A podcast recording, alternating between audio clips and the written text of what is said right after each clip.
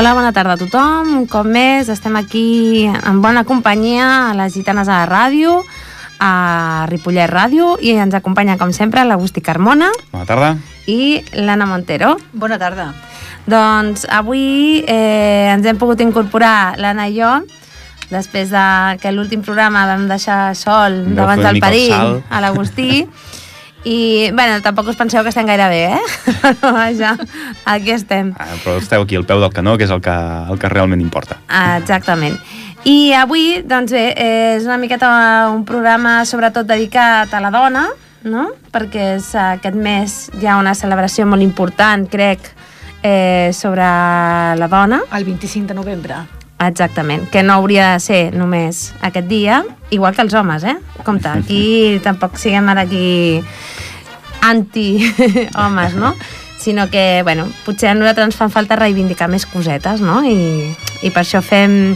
Últimament s'estan fent moltes coses a favor de, de reivindicacions, no? En diversos, en diversos aspectes de la dona.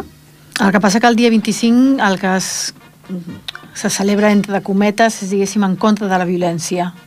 Uh -huh. Que aquí també els homes, que, que no s'anomenen mai, però també hi ha casos de Hi ha violència molts casos, domèstica. perquè no sempre la violència és física, hi ha molta Exacte. violència psicològica i, Verbal. i això afecta tant a homes com a dones. Ah, exacte, correcte. Exactament, i a més a més un- una, trencaré una llança a favor de, dels homes en aquest aspecte. Eh, la violència de gènere cap a la dona sí que està molt penada, però la violència psicològica contra els homes no està penat, no? És de més I- difícil, potser és de més difícil demostrar, Demostrar, no? Exactament, exactament. Però bé, sí que és cert que en la major part doncs, la reben les, les dones, no? jo Això també et, et, et recolzaré el teu argument, eh? No només està més penada, vull dir, la violència contra la dona té un nom, Mhm. la violència contra l'home el desconec. Exacte, sí, sí, això és així. Vull dir, no sé Sí, sí. si algú que ens escolti ens pot il·luminar i ens pot ajudar, no? perquè una cosa és el masclisme, que és la violència de l'home cap a la dona, però quan aquesta violència s'exerceix al revés, perquè com ha quedat clar aquí a la taula estem d'acord amb que, que també s'exerceix de forma contrària, Mhm. eh, doncs eh, base, partint de la base que ja no, no desconec el nom, no sé si el té. Però bueno, deixem-ho aquí, deixo la Però, pregunta és, a l'aire. però és una bona pregunta. Deixo la per- pregunta a l'aire. Per intentar buscar solució. Per, Sí, no, sí. resposta? Una bona, un bon tema per tot, debatre. di- podríem definir tot com a violència de gènere, però això ja ho és tot. Sí, Exacte. exactament, violència de gènere en general. I això, i aquests, eh, em sembla que el 25, no? Has dit, Anna, que hi ha un tema important. Bueno, el 25 és el dia en què se celebra, diguéssim. El diumenge Que- 25 de novembre, De no? novembre, el 25 de correcte. novembre. Que hi ha Sí. un, un taller d'autodefensa el 16 i el 23 de novembre al Centre Cultural, Mhm. de dos quarts de sis a dos quarts de vuit, hi ha un taller de- de- de- d'autodefensa feminista. D'acord? O sigui, jo ho trobo important, és interessant... Sí. És, és important saber-se defensar en un moment donat Exacte. perquè Exacte. no tot és córrer i moltes vegades l'agressor en aquest cas eh, pot ser molt més ràpid i molt més fort i Mhm. s'han de saber aprofitar les eines que, que tenim al, al nostre voltant Exacte. i això, aquestes eines ens les faciliten aquests, aquests cursos de- d'autodefensa Mhm. Mhm, exactament. Doncs bé, a part d'això, també és un mes, un mes molt ple no? de- d'activitats dedicats a la memòria històrica, eh, doncs, sobretot per llibres que s'han publicat actualment vale? relacionats amb, a, amb aquest tema i eh, hi ha diversos, diverses jornades no? en les quals es fan aquí al Centre Cultural eh, jornades de memòria històrica. Sí, n'està Per- ple, eh? N'està ple. Aquí el Centre Cultural Sí, sí. n'està ple de, de jornades. eh, Aquest de... mes eh, està francament ple. De fet, avui n'han fet una, també, Mhm. per, perquè he vist que havien sortit també de, del Centre Cultural i havien fet una, i la propera eh, crec que és, si no recordo malament, el dia 13. Eh? Fan El dia una- 11, veig que el dia 11 també hi ha alguna cosa. Em sembla que hi ha alguna Ah, cosa el sí, el 11. Molí d'en Rata. memòria històrica, Sí, sí. Una, visita, una visita guiada, guiada en, el, en el Molí d'en Rata. Mhm, Doncs també. ens, ens explicaran doncs, una mica Exacte. com funcionava i quin paper tenia dins del poble un molí d'aquestes característiques. Mhm. El que passa que, a veure si ho, si ho intentem informar una miqueta bé, perquè per lo que he pogut llegir és una visita guiada al camp de l'aviació de Rosanes i al refugi antiaeri de l'estació de La Garriga. Mhm. El que vol dir que potser a les 10 deu de ser la sortida des del Molí d'en Rata Val. Correcte. No? Molt ben Exacte. puntualitzat. Sí, sí, Mhm. sí, sí. Que la gent no vagi cap allà pensant que pot de veure No, i després que es vagi preparat no. per Ah, anar, exacte, perquè és una exacte. visita de 10 a 2, si és veritat. És una activitat aquí, gratuïta, això segur, i les Sí. places són limitades. Cal, Cal inscripció. prèvia inscripció prèvia, exacte. Sí, sí, un Correcte. parell de dies abans que Mhm. s'inscrigui la gent perquè sàpiguen la quantitat de gent que hi, que, sí, Ah, que hi exacte. anirà. Però sí, sí, és això, és un, una visita guiada a un refugi antiaeri i al camp d'aviació de, de Rosanes, Mhm. Mhm, aquí a la exactament. Garriga, que tampoc està tan lluny, està res, No, perquè és de 10 a 2, o sigui que a l'hora de dinar ja a tothom l'hora pot de dinar estar tothom a casa. Pot aprofitar el, diu- un diumenge al matí, un diumenge al matí per fer una mica Ah, de, exacte. de, de memòria històrica. Mhm. I, de fet, el, el Ramon Martos, eh, el dia 30, presenta el seu llibre La història d'un oblit. O sigui que també pot ser força interessant, si Mhm. assistir-hi. I tant.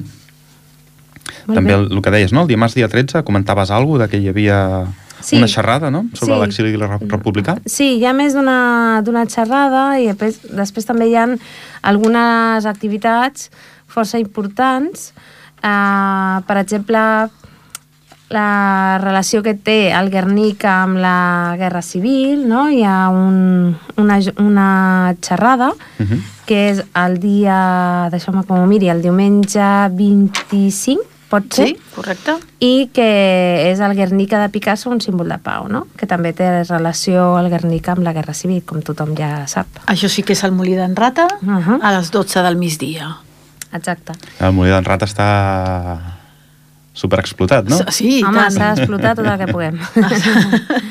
I la resta, doncs, com sempre, entitats d'aquí del poble que fan molta feina, no? Doncs els, el, la gent gran, no? La biblioteca, la Sí, biblioteca no la para, és un no parar. no A la biblioteca para. sempre hi ha alguna Mhm. activitat, des, de, des de còmics, eh, contes infantils, eh, presentacions de discos, presentacions de llibres... La biblioteca és un, un, un hervidero, que en diuen, no? I més ara, des de que han obert, bueno, s'ha inaugurat a l'espai Maribel Campany, encara s'ha obert molt més, o sigui, Mhm. fan moltes més activitats. I tant, i tant. Està molt bé. I com sempre, doncs, la gent del teatre està en fire, sempre.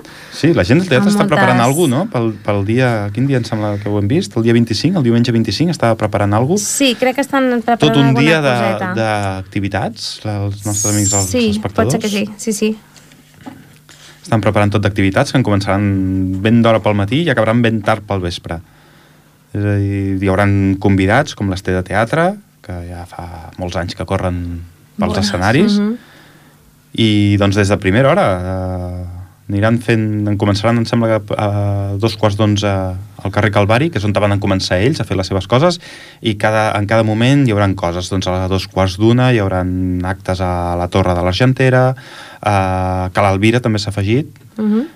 uh, no sé, moltes coses, vull dir, un escenari obert a les 4 de la tarda, a les 8 mm, vindran les de Tea Teatre i aniran fent tot d'activitats. Serà un, el dia 25, Força diumenge interessant, 25, pinta serà un dia eh? on els amics del teatre... Uh Mhm. Sí, sí. La veritat és que moltes coses interessants. Vull dir que aquí al poble, com sempre, no ens avorrim gens. No. De fet, tampoc és dels mesos més complerts, però tot i així és un mes que sempre hi ha coses. Ja, i, I fora de, de l'àmbit cultural, eh, jo, jo, hi ha una cosa aquí que he vist que, bueno, que, que sempre és agradable, que és que fan una sortida per anar a collir bolets. Ah, que sí, això, sí. el que I no vulgui... El, és l'època, és bolets. l'època, vull dir, més, més època que aquesta Sí, no en sí. tindrem. I fan, doncs, de 8 a 2 a la Casa Natura, que és allà de la carretera Santiga, sortint de Ripollet. Fan, doncs, un curs per, per aprendre a caçar. Ara se'n diu caçar, no?, de bolets. Sí, sempre s'ha Sí, dit a caçar sí. bolet, sempre. Sempre s'ha dit, sí, sí. Doncs els aficionats ja saben on te poden anar-hi, el diumenge 25 de 8 a 2 a la Casa Natura. Sortida, des de Casa Des de Natura. Casa Natura. També, Hi haurà, correcte. un, hi haurà un micòleg que els ajudarà i els explicarà I aquest any que és any de bolets, o sigui que la gent que li agradi pot gaudir Bueno, i la, disfrutar. gent, la gent gran li agrada molt, sobretot la gent gran, eh? Hi ha molta gent jove que també, però la gent gran sempre és allò de Sí. quan arriba a la tardor a buscar bolets. O sigui que ja tenen feina. Ja. I la gent gran en aquesta casa de natura hi pot anar acompanyada dels petits perquè sempre hi ha exposicions allà a la casa de natura que els Mhm. expliquen doncs, eh, plantes, arbres, eh, animals que hi ha aquí al voltants i que moltes vegades ens passen desapercebuts a Mhm. nosaltres mateixos. Exacte. També recordar de que, que ara acabem de passar la castanyada, però que el dissabte dia 10 al Parc Norbert Fuster se celebra la castanyada familiar amb xocolata, melindros i després hi haurà també castanyes. Està organitzat per l'Associació de Veïns de Sant Andreu. Ho trobo força interessant, no? Si el temps s'acompanya d'anar amb els nanos a passar una bona estona. Sí, perquè ara tot és Halloween, Halloween, però la S'ha castanyada... de reivindicar una miqueta també la castanyada. L'altre dia sí. escoltava per la ràdio que, que aquí a Catalunya hi havia antecedents de Halloween perquè cap al Rosselló, a aquesta època, precisament, s'agafaven les carbasses, es buidaven, se'ls hi feien forats i s'utilitzaven de llanterna per anar amunt i avall. I estem parlant de finals del segle XIX, principis del XX, on encara no hi havia molta llum per, aquella, per aquelles zones i que realment feien por perquè un paisatge totalment fosc, amb una carbassa sí. amb llum dins, eh, era O sigui que es pot dir que Impactant. Catalunya també té Diguem que una mica d'història. no ens hem d'oposar a cultures diferents No, clar que ens no, arriben, clar que, com va fer, suposo que en el seu moment la castanyada hauria treure del mig alguna cultura, alguna tradició que hi havia per aquí. I hi havia gent reticent i gent que sí, gent que no, es va imposar la castanyada, ara ens arriba el Halloween, ve d'una altra cultura. A veure, has de que reconèixer que si I- a casa tens nanos, ells disfruten més disfressant-se i sortint a fer els el hi dones una mica de festa als nanos i sempre és molt millor. Ah. Això sí, suposo que no perdonen les castanyes, els moniatos i els I el panellets. bosqueter i els panellets, això és sagrat. Però Jo també, crec que es doncs, poden bueno. combinar les dues Ah, coses. exacte. Han d'aprendre a conviure, han d'aprendre a conviure. La cultura és aprendre a conviure amb, amb, amb coses Amb tot noves. el que podem i obrir-nos que a coses noves. Clar que sí, clar que sí. I hem de seguir, hem de seguir. La, la, la cultura és, és avançar. Exacte. Doncs, a part d'això, doncs el que hem dit, moltes, molts tallers i moltes associacions que fan doncs, cosetes, no? Durant Que no hi ha excusa, encara que hagi vingut el fred, un bon abric i, No i al a carrer a gaudir de Sí, les sí, sí. activitats que es faran al poble.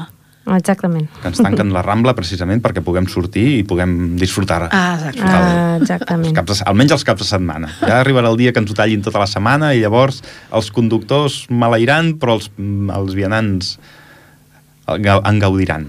I tant. Doncs mireu, ara estava mirant lo de la castanyada i mm, diu que s'origina a finals del segle XVIII i que deriva dels antics, dels antics àpats funeraris en què no se servien altres menges que llegums i fruita seca. Déu-n'hi-do. I que... Espera, espera. Diu, i els pans votius de l'oferta es difonsen als funerals, més popularment panets, panellets o panellons. Apa, ja, tra- ja sabem l'origen dels panellets. Com Molt a veure sembla? amb el Dia dels Morts. Amb el Dia dels Morts, exacte. Mhm. Molt bé. I després diu, l'àpat tenia un sentit simbòlic de comunió amb les ànimes dels difunts, tot torrant les castanyes. Mhm. Molt bé, no? Sí. Sí, aquestes coses sempre No, no són curioses de saber. I tant. Perquè sempre et menges els panellets i dius, d'on sortirà això? Però no sé. Estan bons, estan bons, estan bons, però Exactament. ens quedem aquí, ens quedem amb la superfície. Normalment ens quedem amb la superfície Va, de les coses. Parlant de panellets, vosaltres heu fet panellets? Sí. Sí? Home, i tant. De moniato o de patata? Patata. De patata. A mi m'agraden molt els de moniato, estan més dolços. A casa ja som més de comprar-los fets. Ja. Ah. doncs són molt fàcils, eh? La veritat Sí, és no, que no, si no són és molt difícil. fàcils de fer i aquests que tenim problemes eh, amb tema nutrició, la veritat és que si te'ls fas a casa encara estan els notes més, més bons. Sí. Podeu tindre, us els podeu fer amb els ingredients que us va millor i que us van pitjor. Exactament. Eh? No, però ja no poses tanta sucre com que potser els que compres a la pastisseria deuen de portar. no? jo, jo li poso estèvia Uh -huh. i aleshores estan igual de bons. Estan adulcorats i no porten sucre. Mira, ho provarem. Sí, sí, la veritat és que estan molt bons. bueno, jo suposo que perquè no tinc... I m'ho miro així. Si algú més s'ho mengés, potser diria, això què és? que Si estàs algú tingués la menjant? possibilitat de tastar els dos, diria... Sabríem quin Exacte. quedar-se. Diria, a veure, això no són panellets ni són res. bueno, doncs fora conyes, la veritat és que aquests dies venen de gust castanyetes i em sembla que hi ha algú per aquí pel, per la Rambla venent castanyes. Hi ha un parell de parades aquí un parell- al costat del mercat, hi ha un Sí, parell de Sí, parades. oi que sí? I l'altre dia que va portar la, una, una de les nenes petites em va portar i que fa gitanes i, ostres, fotien una olor que bones. Jo he de confessar que a mi ni les castanyes ni els moniatos m'agraden. Oh. Vaja, Però l'olor, quan les fico al forn, el moniato, m'encanta, perquè dona una sensació de d'escalfor, d'estar a casa, no? amb el fred que fa, l'oloreta aquesta, M'agrada. Sí, sí, M'agrada cuidar-los I, i aquest any s'agraïa, aqu- aquesta caloreta, Sí. aquesta, aquesta oloreta d'estar tancat, aquest any s'ha agraït perquè Sí, realment sí, sí. feia uns quants anys que no, no, Que no una disfrutàvem d'una castanyada fred. amb fred. Bueno, Correcte. però de fet és el temps que ha de fer. O Sí. sigui, és el temps de fred, de pluja i... Bueno, no? però ja va una mica en el nostre tant, anar queixant-nos del temps que ens trobem en el dia a dia. Sí, no? sí, si això plou és perquè així. plou, si fa calor perquè fa calor, si fa fred perquè fa Exacte. fred. Exacte, no? sempre dius que plogui per la nit, que així no ens entenem. Que ja estem no? tots a casa, que plogui. Exacte, sí, sí. Doncs què us sembla si fem un petit KitKat, no? Molt bé. I escoltem una miqueta Corren.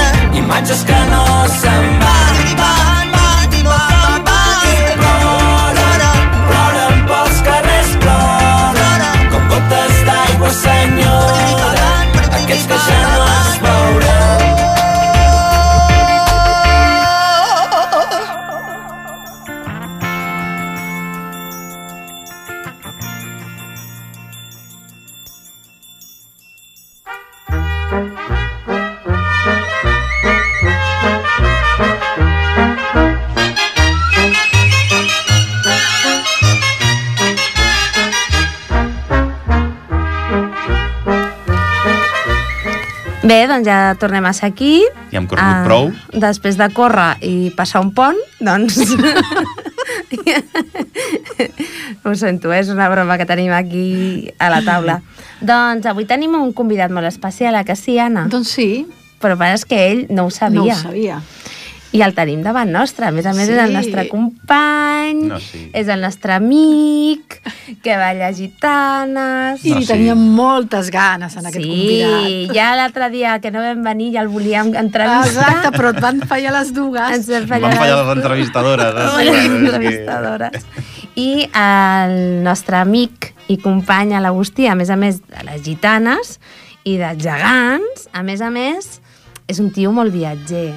I la nostra entrevista va pels teus viatges, perquè ens agradaria que ens expliquessis, doncs, això, els teus viatges, què fas, on vas, si um, hi ha algun blog o alguna, algun lloc on la gent et pugui seguir. Jo sí que ho sé, però bueno, vull que ho diguis tu i ens expliquis una miqueta. I com, com, va, com vas començar, no? Des de...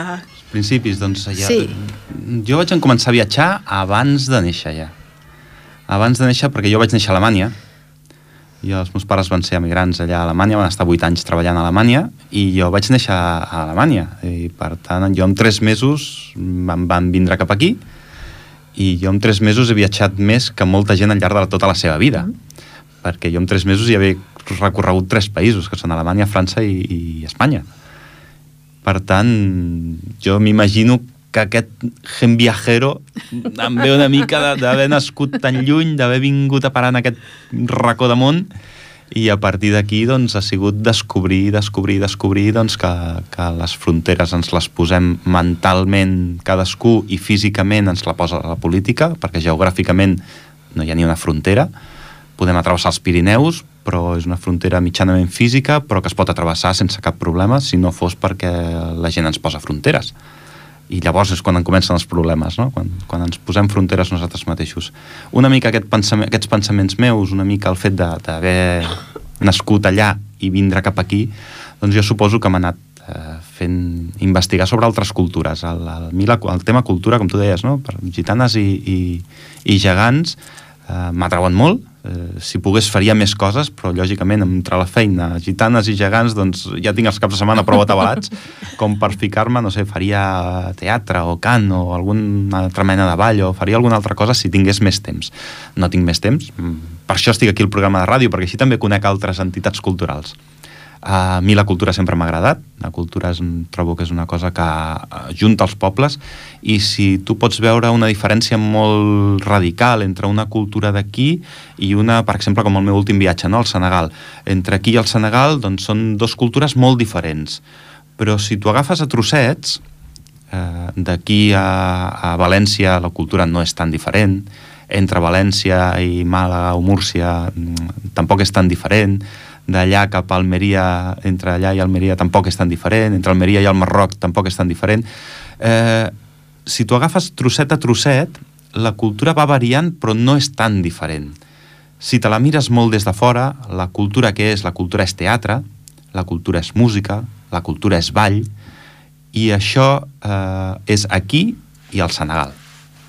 Si t'agafes les seves vestimentes, dius, oh, quines vestimentes més acolorides, aquí som potser més sobris vestint, més blancs, negres.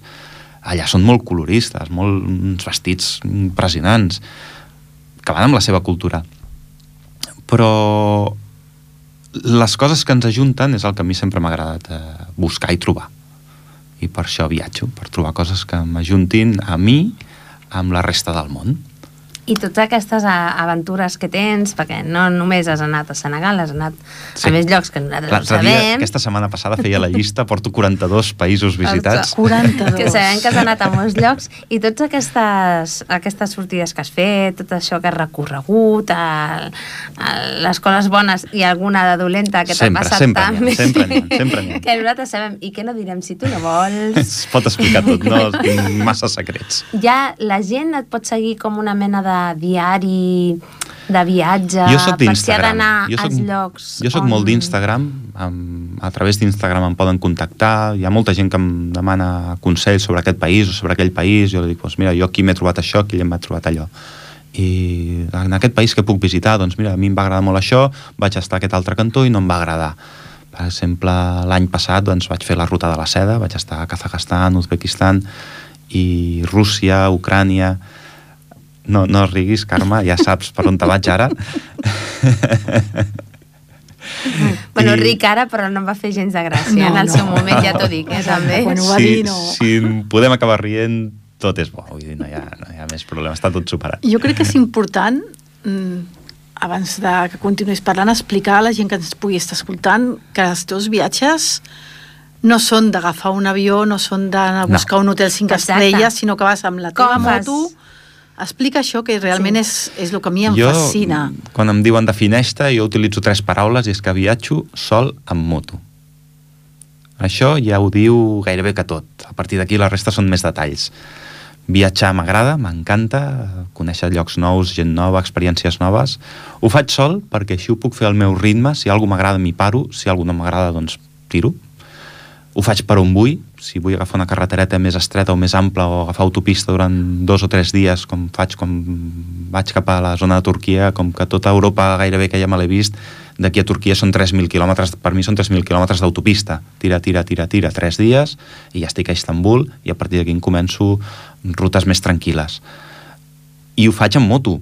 Ho faig amb moto perquè eh, estic més a prop de la gent, no estic tancat en una, en un, en una llauna, que en diem, els moteros són els, estan els enllaunats, que són els que van en cotxe.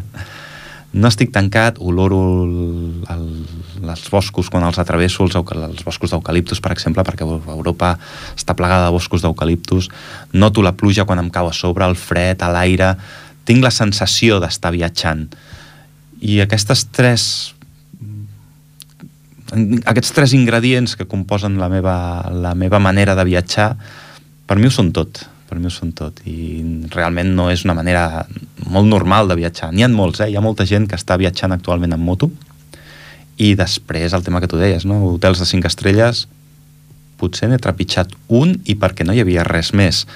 Però com que porto tenda de campanya sac de dormir, abans eh, obriré la tenda de campanya en un camp buscant de no molestar ningú, això és, sempre és important i em posaré a veure les estrelles a les 9 de la nit, a les 10 de la nit i esperar que vingui Morfeo i el dia següent, doncs, amb la sortida del sol, tornar a plegar-ho tot, tornar a aixecar-te, eh, tornar a aixecar el vol i tornar en moto a, a seguir la ruta cap al següent destí.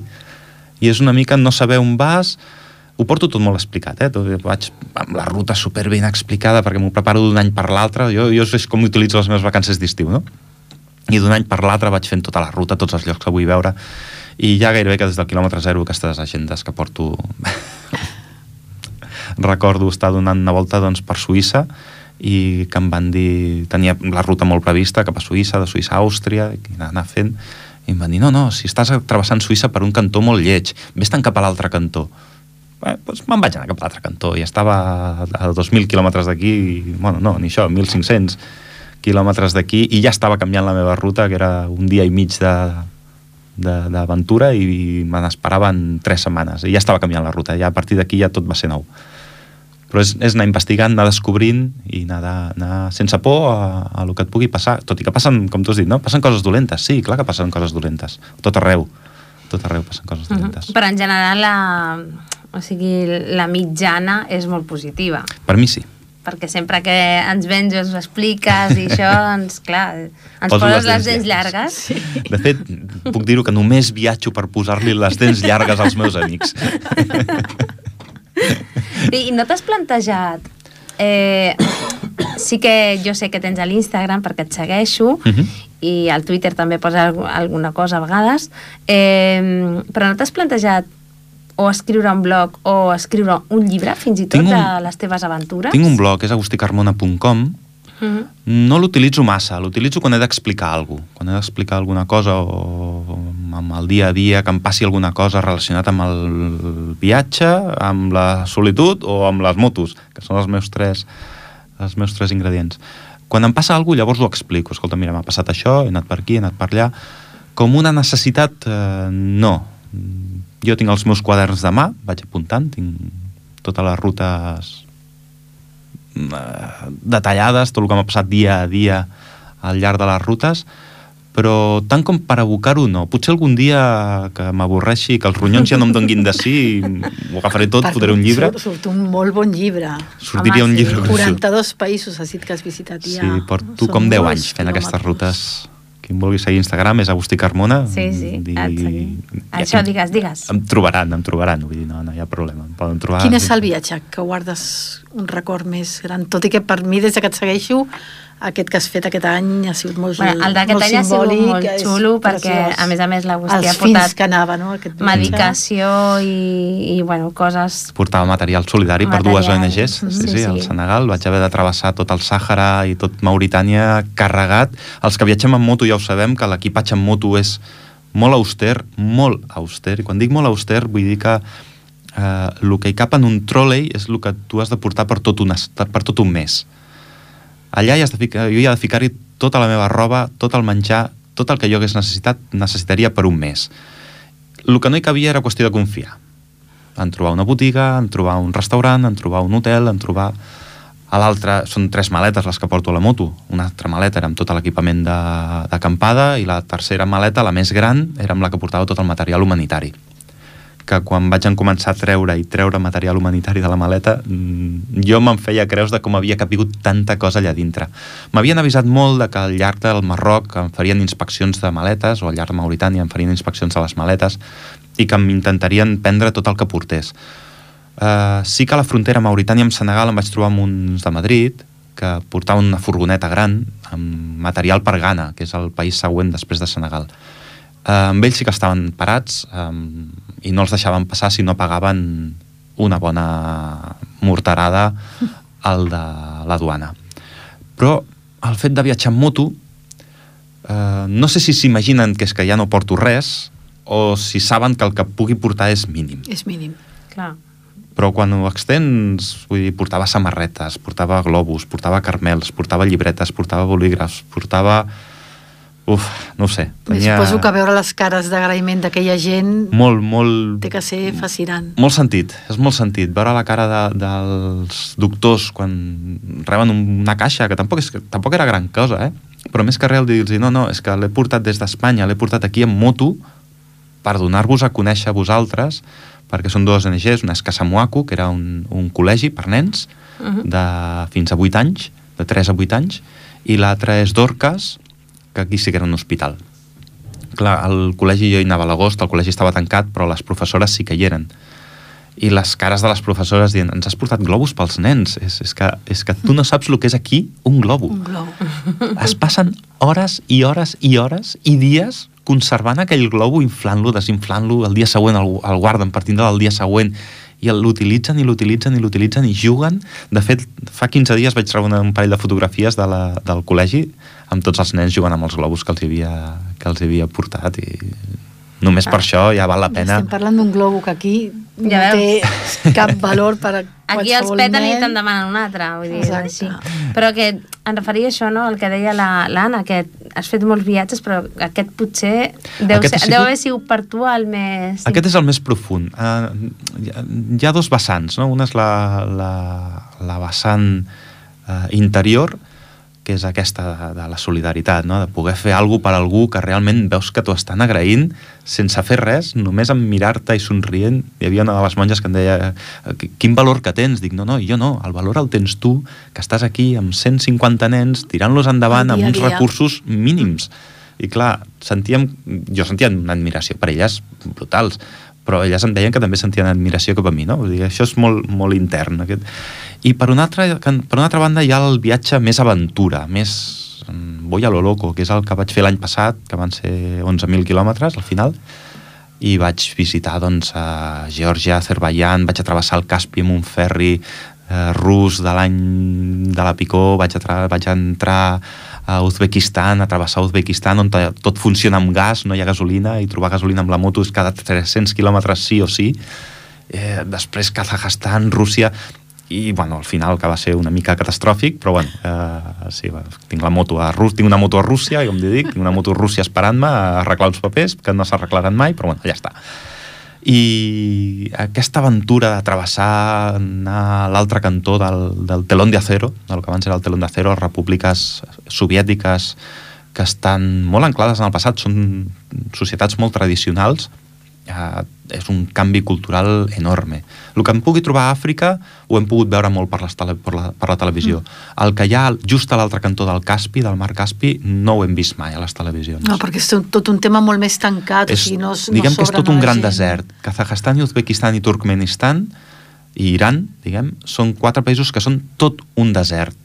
Hi ha molt poca gent. Uh, diguem que Uzbekistan, ara parlo de memòria, em sembla que és dos vegades a Espanya, més o menys, el doble d'Espanya, i si hi han 6 milions de persones Mare meva. escampades, i Kazakhstan em sembla que eren 20 milions de persones, que és més gran, però és més de la meitat d'Europa. De gran. Saps que és que ho veiem en un mapa i pensem que, va, això és res, Això és però res. clar, després sentint això dius, ostres tu, allò és enorme. Imagina't I tot un és país desert. des d'aquí fins a Polònia que sigui un país.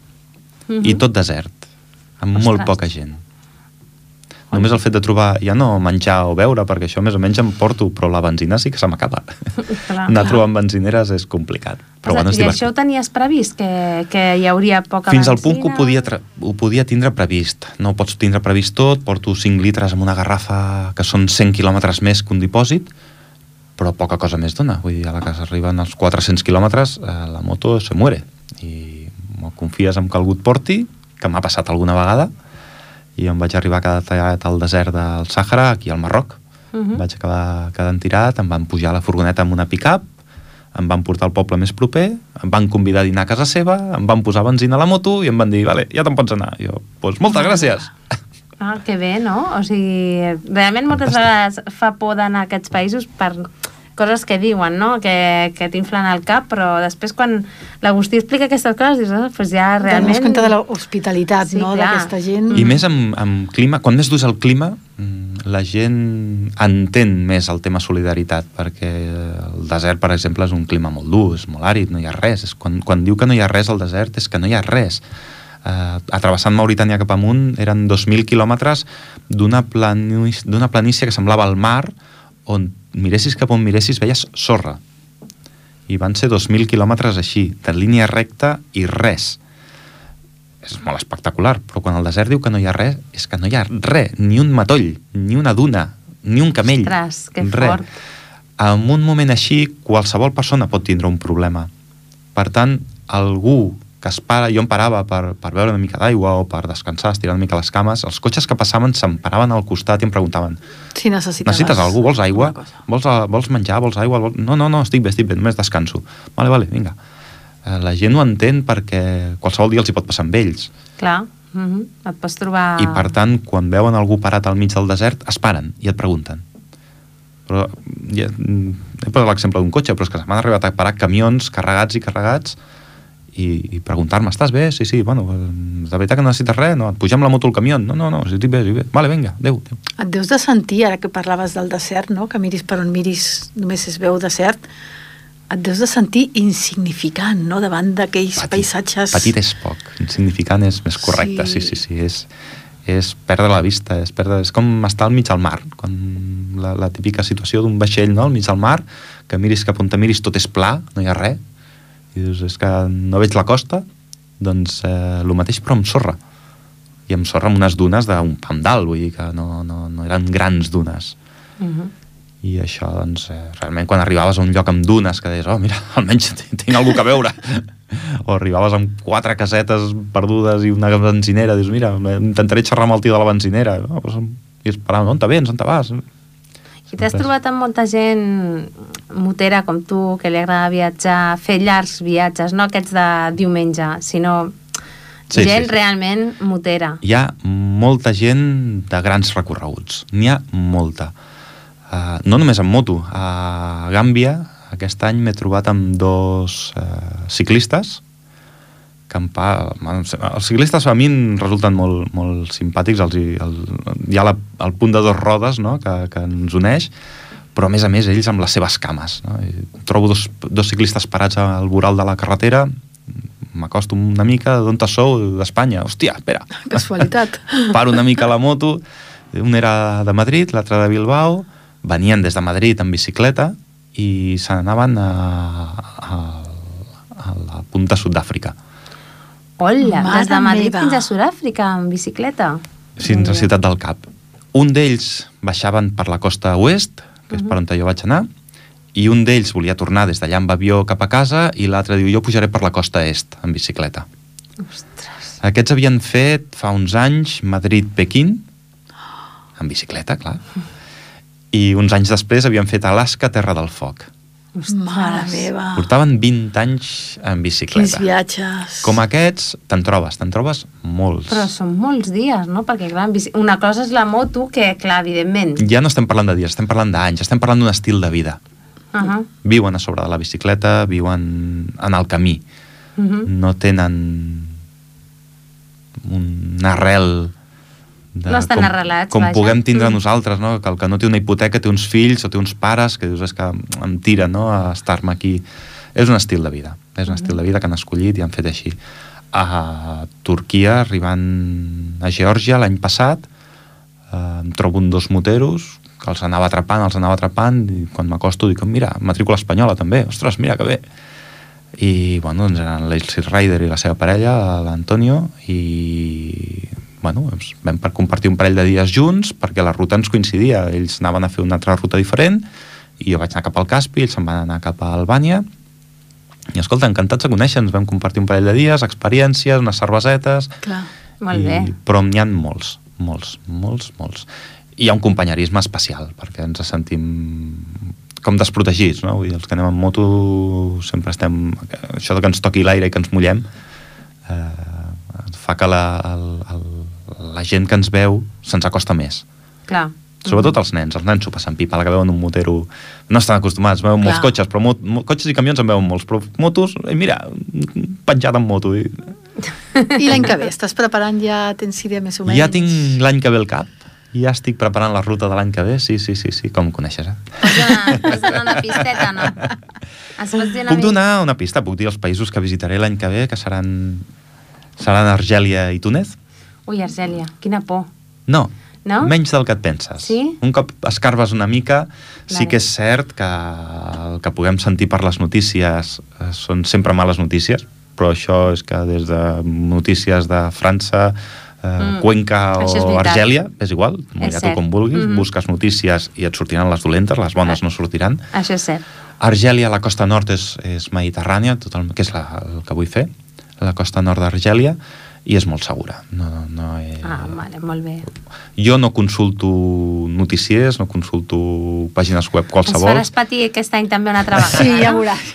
Jo consulto altres viatgers que ho hagin fet. I m'enfio més dels que ho han fet que no pas d'un telenotícies, d'un telediari o d'un diari. Que no me'ls me'n llegeixo molt pocs de diaris, molt pocs. O sigui, faràs Argèlia i Tunísia. I hi ha un, una activitat solidària al darrere, també. Ah, sí? Molt, Però això molt, encara no molt bé. està tancat i prefereixo encara no, No obrir aquesta ampolla. No obrir aquesta ampolla de cava i si la puc agafar pot ser molt maca. També Eh, molt pot ser bé, molt maca. molt bé. Serà més cap a Túnez perquè aquesta ONG treballa més al Mediterrani central. Mhm. Vaig anar a parlar amb ells divendres, aquest divendres precisament, bueno, i només diré que treballen molt amb vaixells. Ah, d'acord. Mhm. Val, més Vale. o menys ja, ja hem podem, captat el missatge. podem agafar per on va. Ja ens diràs. I aviam si per la setmana que ve vosaltres que us veuré a l'assaig encara puc comentar alguna cosa, però ja, ja ho puc comentar l'any que, el mes que ve a, a anar a la ràdio, podré dir si, si hem arribat a un acord o no hem arribat a un acord o si, estem, o si les converses poden evolucionar bé o no. Però encara no hem segur parlat. que sí, esperem que sí. Sí, Esperem segur que sí. A veure, a veure. Doncs, eh, bueno, era una trampa que et teníem posada. Que hi he caigut de quatre potes. Ja ens va sortir malament el mes passat. Sí, el mes passat el volíem fer, però clar, les dues ens hem posat malaltes i no van venir. I avui ja estàvem allò parlant, bueno, què fem, no ho fem? Eh, Que... Home, és que s'ho mereix. Una, Sempre hem convidat associacions a de gent d'aquí del poble. Crec que l'Agustí és un personatge d'aquí del poble força important, Bueno, a part de... que té molt per explicar. Clar, a part del tema de l'àmbit de la cultura que diem sempre, no? que està amb dues Mhm. entitats, però a part també, home, tenim un viatger aquí a Ripollet i la gent no ho sap tampoc. O sigui que això també és important. I tothom que vulgui anar de viatge i tingui algun dubte, alguna cosa, doncs a l'Instagram del... Sí, em pot enviar un missatge, estaré encantat de dir-li les meves experiències o les meves recomanacions, eh? sempre molt O ja modestament. simplement, Sempre molt modestament, o perquè ja no... simplement veure les fotografies. Sí, sí, sí. O sigui, Sí, sí, de fet, el Perquè veus jo- al seu Instagram i és és, brutal, és, és les brutal. fotos, jo de l'any passat recordo molt una d'un llac amb sal, si no... Ah, Això va ser Turquia. Sí, Sí, després en recordo una dels globus, Uh -huh. Tot això és Capadòcia. sí, la és Capadòcia, i ja, bueno, aquest any amb les fotos que va de Molt moto, xules. plena de fang, aquell fang tan vermell que Va tenen ser- allà, va ser és unes- que és, Van és ser gairebé una setmana mm, de patir molt. Va ser una setmana de patir molt perquè el terreny és molt dolent, les infraestructures al Senegal són molt pobres, no hi ha manteniment de les infraestructures i, per tant, viatjar per allà amb moto quan és una, una, una artèria on molt transitada per camions que queda destrossada i bueno, vaig, arri- vaig anar-hi també en època de pluges que sempre vulguis que no sempre ho posa tot més difícil però bueno, no, va ser molt maco i molt divertit molt divertit ha passat. Quan ha passat dius, ostres, mires enrere, dius, uf, que malament que ho vaig passar, però que bé, que, que, que divertit, no? Quan estàs allà, bueno, les paraules no són exactament aquestes. Millor no reproduir-la. Millor no reproduir-les eh, ni en horari d'adults. Ja no en horari infantil, ni en horari d'adults. Baixaven tots els sants i els que no eren sants també baixaven. Molt bé. doncs eh, fins aquí el nostre programa i moltes gràcies, Agustí. Moltes gràcies a vosaltres per preguntar-me sobre els meus viatges. I ens veiem el, El mes que mes ve. vinent a les Gitanes de Ràdio. Adeu! Adéu, bona nit.